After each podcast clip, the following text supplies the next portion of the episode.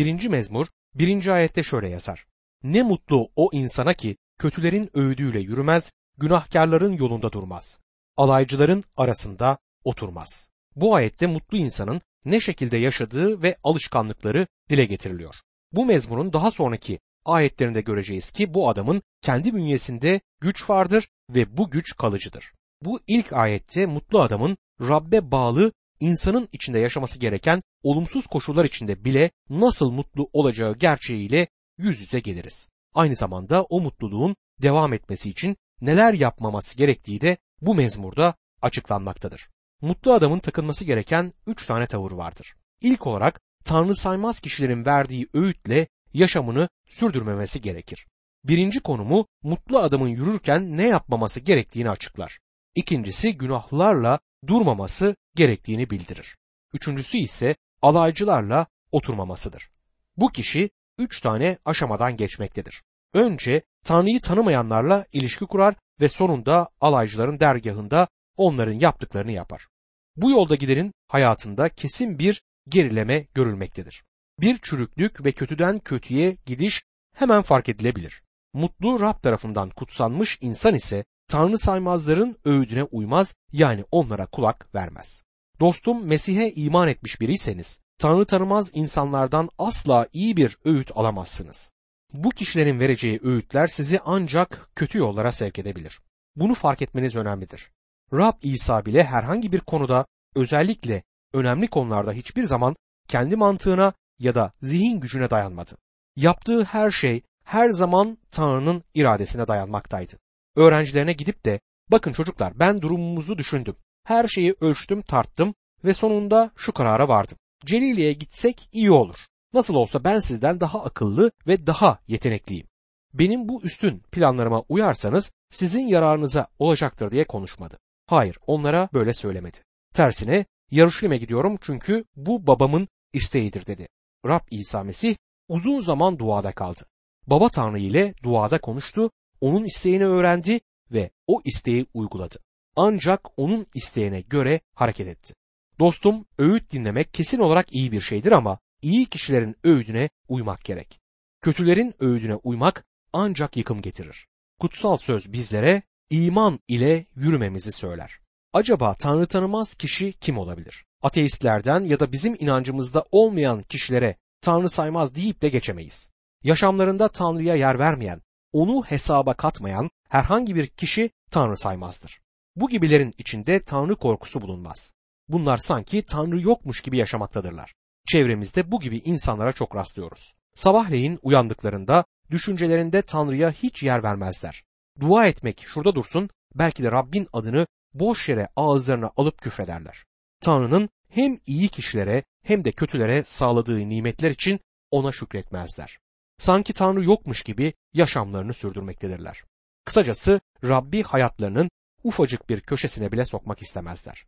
İşte böyle bir insan başkasına öğüt verirse öğütü alan sonunda günahlıların durduğu yerde onlarla birlikte duracaktır. Günahlı olmak ne demektir? Tanrı'nın insan için belirlediği kutsallık aşamasına erişememektir. Rabbin insandan beklediği yüksek ahlak düzeyinde bir türlü yaşayamayan insanı günahlı olmak dile getirir. Kutsal söz bu gibilerden Süleyman'ın özdeyişleri 14. bölüm 2. ayette şöyle bahseder. Doğru yolda yürüyen Rab'den korkar. Yoldan sapan Rabbi hor görür. Yine kutsal kitap Süleyman'ın özdeyişleri 16. bölüm 2. ayette şöyle der. İnsan her yaptığını temiz sanır ama niyetlerini tartan Rab'dir. Günahlı insan çoğu kez kendi düşüncelerinin yaşam tarzının doğru olduğunu düşünmektedir. Ama o yine de günahlıdır. Rab Yeşaya peygamber aracılığıyla Yeşaya 55. bölüm 7. ayete şöyle der. Kötü kişi yolunu, fesatçı düşüncelerini bıraksın. Rabbe dönsün, merhamet bulur. Tanrımıza dönsün, bol bol bağışlanır. İnsan günahlı olduğu için yolunu şaşırmıştır. Yolunu şaşıran insan başka insanlara nasıl öğüt verebilir ki? Yaşaya 53. bölüm 6. ayette şöyle diyor. Hepimiz koyun gibi yoldan sapmıştık. Her birimiz kendi yoluna döndü. Yine de Rab hepimizin cezasını ona yükledi.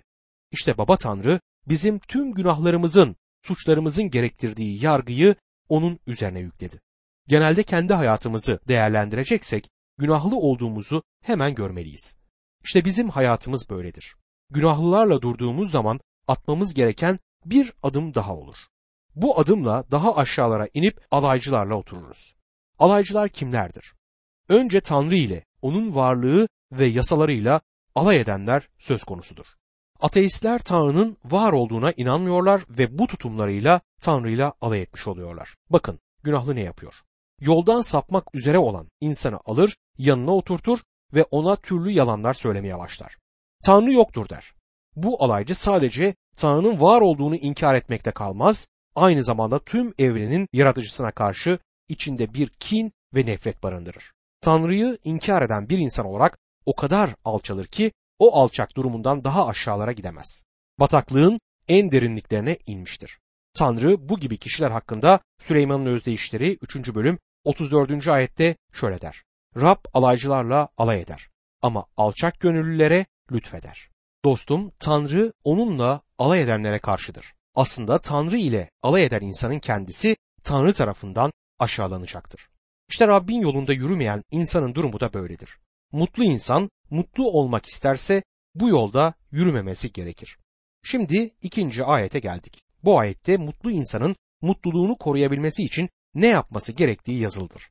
Birinci mezmur ikinci ayette şöyle yazar.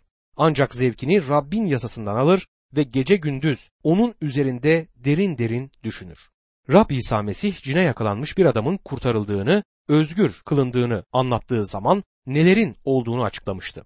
Adamın hayatı temizlenmişti. Bir açıdan diyebiliriz ki adamın içi dışı temizlenmiş, tertemiz olmuştu. Herhalde adam da gerçekten kendini temiz hissetmişti.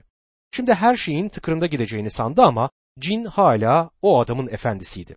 Cin adamdan çıktıktan sonra biraz dolaştı, oraya buraya gitti ve sonra dolaşmaktan bıkıp geri eski evine döndü. Eski evinin temizlenmiş olduğunu görünce gidip arkadaşlarını da getirdi. Peki arkadaşları kimlerdi? Kendisi gibi yedi cin daha geldi. Daha önce tek cine konuk olan bu adam da şimdi yedi cin daha yaşıyordu. Şimdiki durumu eskisinden daha kötüydü. Birçok kişi yaşamlarını biraz temizledikten sonra her şeyin yolunda gideceğini düşünür. Dikkat ederseniz mezmur yazarı mutlu adam Rabbin sözünden zevk alır diyor. Rabbe sadık olan insana en çok zevk veren Tanrı'nın sözüdür. Tanrı sözünden eski antlaşma Rabbin ruhsal yasası diye söz eder. Bu yine Rabbin sözüne işaret etmektedir. Tanrı sözü gerçekten çok heyecan ve aynı zamanda da zevk vericidir. Rabbin sözü bir hazinedir. Gün be gün yepyeni cevherlerin keşfedildiği bir hazine. Bazıları Tanrı sözünü çok ağır bulurlar. Rabbin çocuğuysan, yeniden doğmuşsan ve ruhsal gözlerin açılmışsa durum hiç de böyle olmamalıdır. Özellikle Rabbin çocuğuna en üstün zevkleri verebilecek yeterliktedir Tanrı sözü. Evet, Tanrı'nın ruhsal yasasından, onun sözünden zevk alan adam gerçekten mutludur. Yaşadığımız bu günlerde aileleri parçalayarak ayıran, üzüntü ve acı dağıtan, insanı inim inim inleten, yaşamları birer birer harabeye çeviren tek bir unsur nedir diye sorsanız hiç tereddüt etmeden insanın Tanrı sözünü hiçe saymasıdır diye yanıtlarım. Tanrı sözü bunu açıkça şöyle belirtir. 1. Yuhanna 5. bölüm 3. ayette. Tanrı'yı sevmek, onun buyruklarını yerine getirmek demektir. Onun buyrukları da ağır değildir. Tanrı'yı sevmek, onun buyruklarını yerine getirmektir. Mesih inanlısı için buyruğa uymak bir zevktir. Şimdi buyruğa uymaktan söz ederken on buyruğa değinildiğini sanmayın. Mesih'in verdiği buyruk sevgi üzerine kurulmuştur.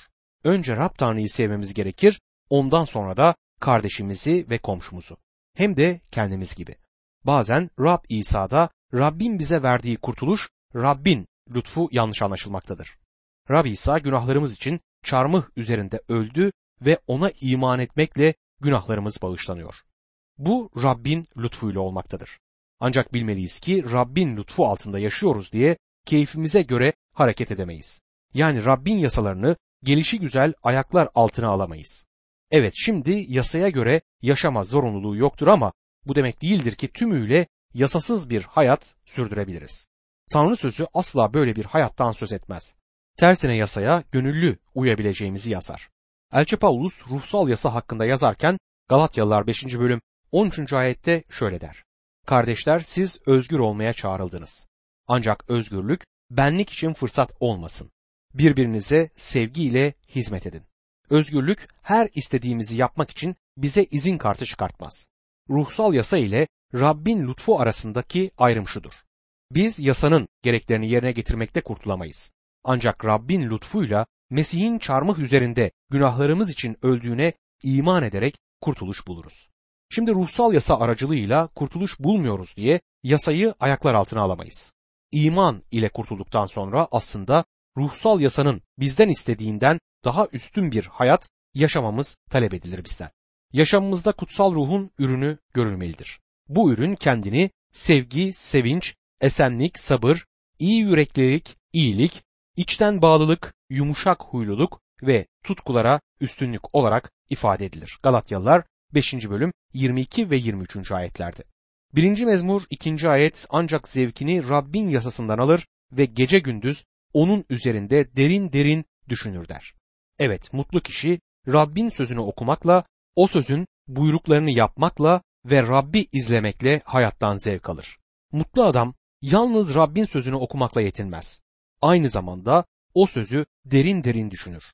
Bünyesine aldığı gerçekleri kafasında evirir çevirir, hayatının bir parçası yapmaya çalışır ve o sözü defalarca okuyup Rabbin ne demek istediğini bu söz ile hayatına nasıl bir katkıda bulunabileceğini düşünür. Rabbin sözünü bir kez okumakla onu hemen bünyemize kabul edemeyiz. Defalarca okumamız, okuduklarımızı tekrar ve tekrar düşünmemiz gerekir. Geviş getiren hayvanların ne yaptığını düşünelim.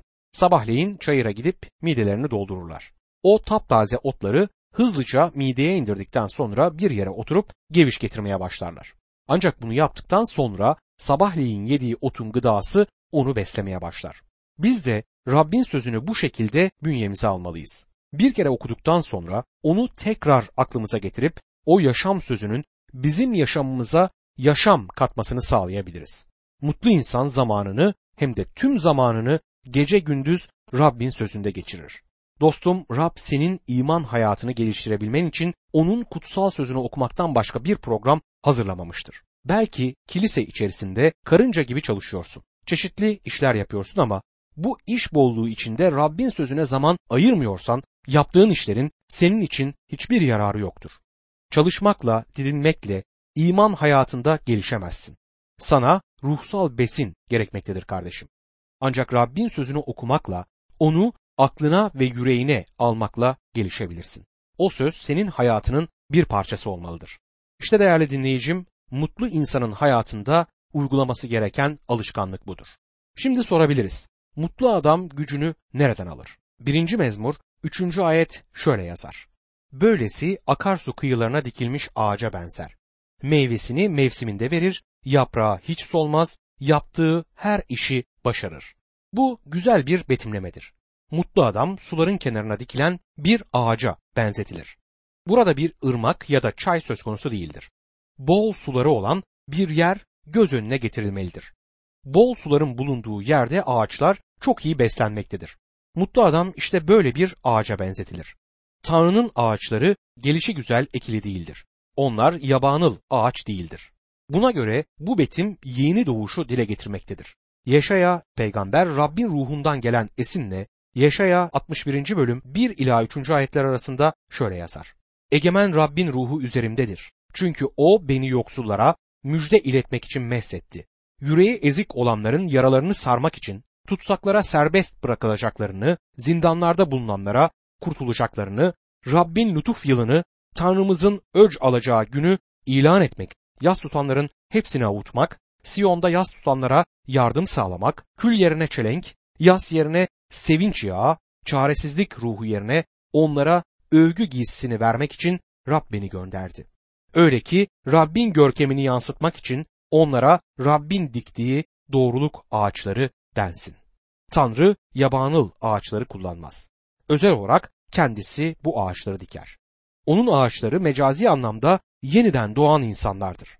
Rab onlara yeni yaşam verir ve bunu yaptıktan sonra akarsular kenarına bu ağaçlarını diker.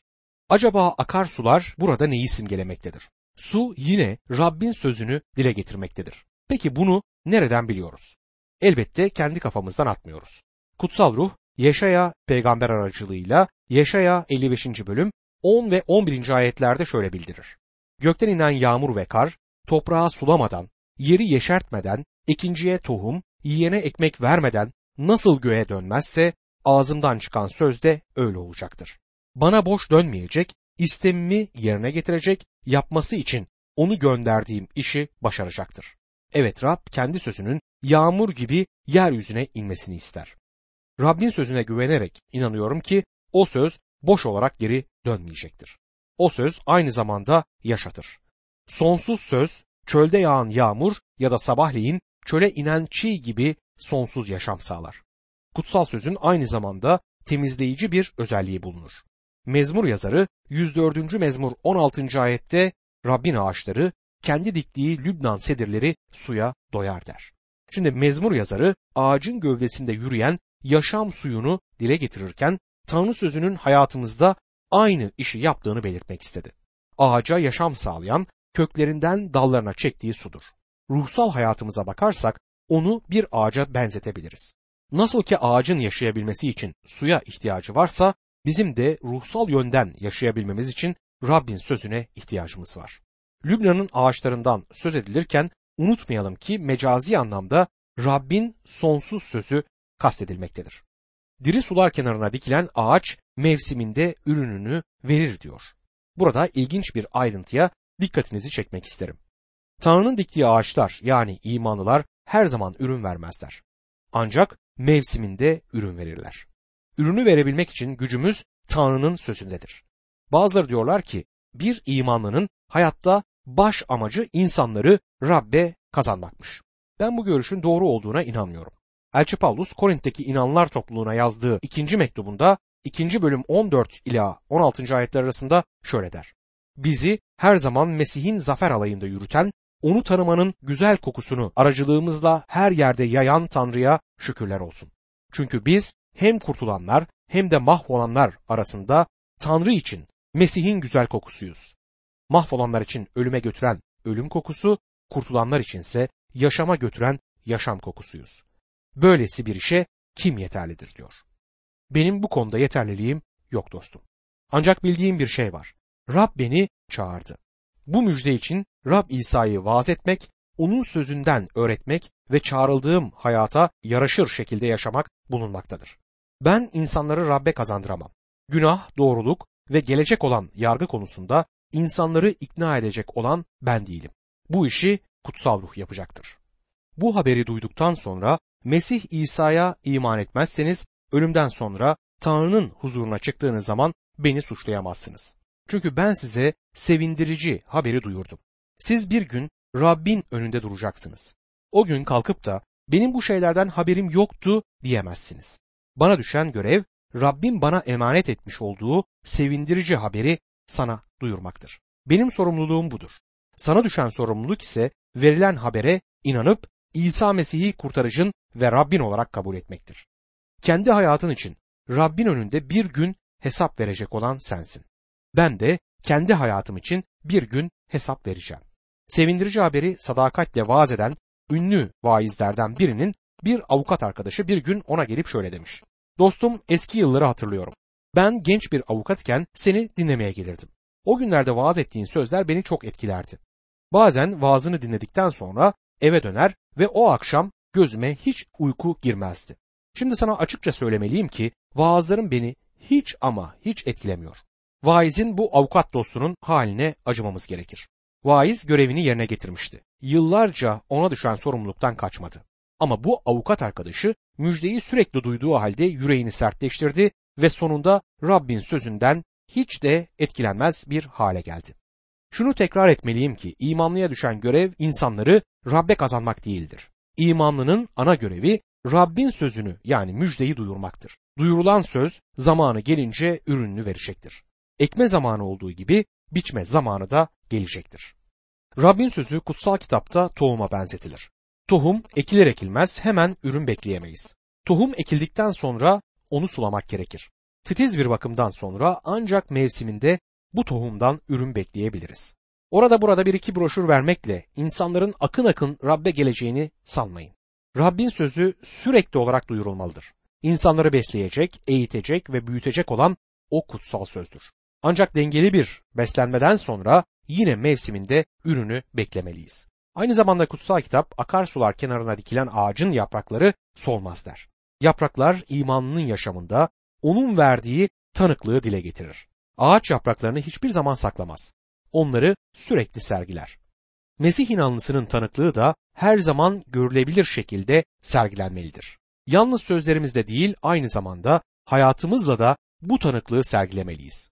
Tanrı'nın diktiği ağaçların yaprakları solmaz türdendir. Tanıklığımız her zaman sergilenmelidir. Büyük bir kilise kapısının üzerinde şu yazı bulunuyordu. Göğün kapısı. Altında da Temmuz ve Ağustos aylarında kapalı. Eğer imanlının hayatında durum çoğu kez bunun gibi ise bu kesinlikle yanlıştır dostum. Yaprakların her zaman yeşildir, solmamıştır. Yaprakların bu dünyaya Mesih için olan tanıklıklarındır. Rabbin her çocuğunun yaprakları sürekli yeşildir. Bunun yanı sıra birinci mezmurun sözleri bize diyor ki akarsular kenarına dikilen ağaç mevsiminde meyve getirdiği gibi Rabbin sözünden sürekli beslenen imanlı da ürününü verecektir ve yaptığı her işi başarır. Eski antlaşmada Rab kendisine ait olanları ve sadık kalanları maddi açıdan bereketleyeceğine söz verir. Günümüzde Mesih inanlısına maddi bereket vaadi verilmez. Sadık kalırsan seni zengin yapacağım denmez. Eğer maddi berekete sahipsen kardeşim, bunun için Rabbe şükret ve sana verdiklerini onun egemenliği için nasıl kullanacağın konusunda dua et. John Trapp adında bir Mesih imanlısı şöyle yazdı. Rab ile yakın bir ilişkiden dolayı maddi bereket gelirse bu gerçekten tatlı bir tecrübedir. Bunu şöyle ifade etmeliyiz. Sıfır rakamı herhangi bir rakamın sağ tarafına eklendiği zaman o rakamın sayısal değerini yükselttiği gibi maddi berekette kendi yapısında bir sıfır olmasına rağmen Rabbin ruhsal bereketlerine eklenince sayısal bir değer kazanır. Kendiliğinden hiçbir değeri yokken durum bir bereket haline gelir. Şimdi dördüncü ve beşinci ayetlere bakalım. Şöyle yazar, kötüler böyle değil. Rüzgarın savurduğu saman çöpüne benzerler. Bu yüzden yargılanınca aklanamaz, doğrular topluluğunda yer bulamaz günahkarlar. Burada iki kişiyi görmekteyiz. İki kişi, iki yol ve iki ayrı sonuç. Yollardan biri çıkmaz sokağa benzer. Biri ölüme, öbürü ise yaşama hem de sonsuz yaşama gider. Burada Tanrı neyin doğru ve neyin yanlış olduğunu bize açıklamaktadır.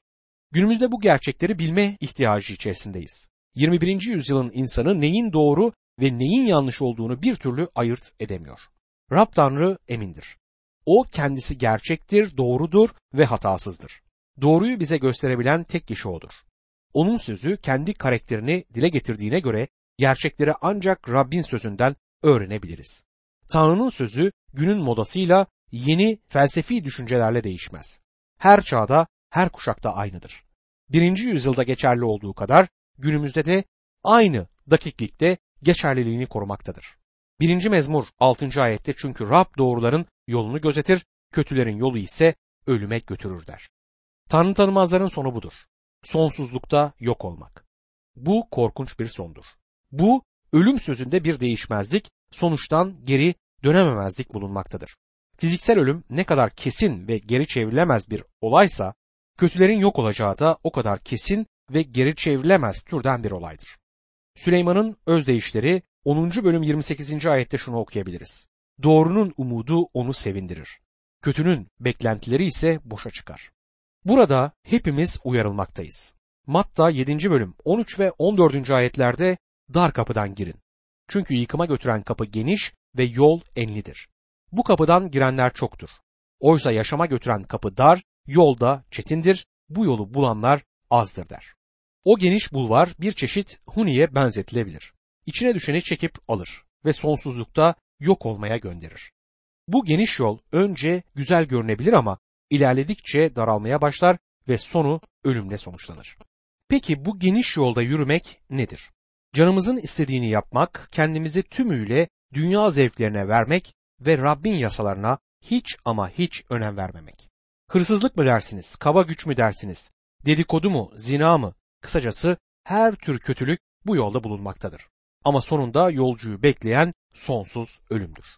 Dar yola gelince, bu yola ancak İsa Mesih aracılığıyla girebilirsiniz. İsa Mesih kendisi hakkında yol, gerçek ve yaşam benim dedi. Evet o gerçektir, yaşamdır ve yoldur. Yaşamın yoludur, gerçeğin yoludur. O yolda yürüdükçe o yolun genişlemekte olduğunu fark edersiniz. Genişledikçe genişler ve sonsuz yaşama götürür. İsa Mesih yaşam konusunda Yuhanna 10. bölüm 10. ayette şöyle dedi. Hırsız ancak çalıp götürmek ve yok etmek için gelir. Bense insanlar yaşama, bol yaşama sahip olsunlar diye geldim. Bu ilk mezmurda Rabbin bereketine sahip olan mutlu adamın ne güzel bir portresi çizilmiştir. Sen o mutlu kişi misin değerli dostum? Değilsen bu mutluluğa sahip olmak istemez misin? İstersen kendini Rabbe teslim et. Su kenarına dikilen bir ağaç gibi Rabbin seni o diri sular yanına dikmesine izin ver.